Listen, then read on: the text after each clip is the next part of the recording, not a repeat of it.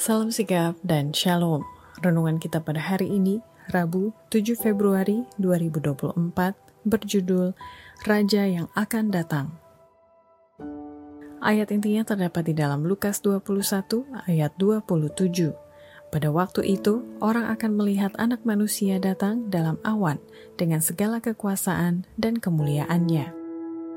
Pena Inspirasi menuliskan judul renungan kita pagi ini, Raja yang akan datang, yang tidak lain dan tidak bukan adalah Yesus, nama di atas segala nama, agar supaya kita bisa mengalami pengalaman pribadi dan dapat memaknai dan merasakan sentuhan kasihnya, dan lebih memperkaya perjalanan hidup ini sampai kita kelak bisa bertemu dengan dia, muka dengan muka di surga. Sebagai berikut. Pertama, gambaran dan peristiwa yang akan terjadi ketika Yesus sudah menerima otoritas penuh dari Allah Bapa sebagai Raja yang akan datang setelah berakhir tugas keimamatannya di surga, maka dia akan turun dengan kumpalan awan terbungkus dalam api yang bernyala-nyala. Tidak ada pena manusia dapat melukiskan pemandangan tersebut. Tidak ada pikiran yang fana mampu membayangkan kemuliaannya. Raja atas segala raja itu turun dengan gumpalan awan, terbungkus dalam api yang bernyala-nyala.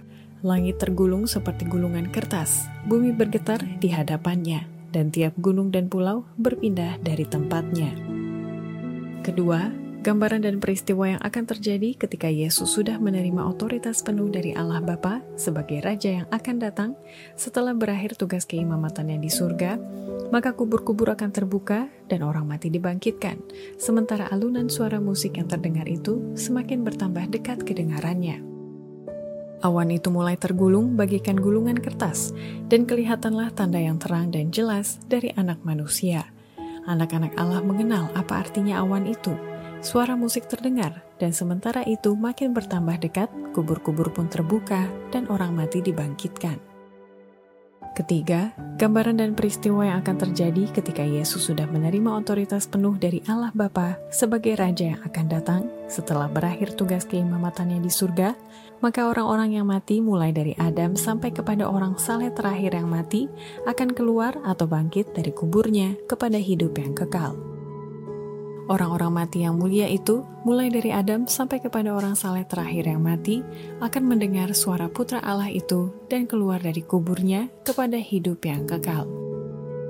Keempat, gambaran dan peristiwa yang akan terjadi ketika Yesus sudah menerima otoritas penuh dari Allah Bapa sebagai Raja yang akan datang setelah berakhir tugas keimamatannya di surga, maka orang-orang tebusan yang setia dan percaya merasa takut hidup di hadapan hadiratnya yang kudus, seperti dialami oleh Yohanes Kekasih. Seorang anak Allah akan merasa ngeri pada waktu pertama kalinya melihat kemuliaan Yesus Kristus. Dia merasa tidak dapat hidup di hadapan hadiratnya yang kudus, tetapi kata-kata itu datang kepadanya seperti kepada Yohanes, "Janganlah takut." Yesus meletakkan tangan kanannya ke pundak Yohanes.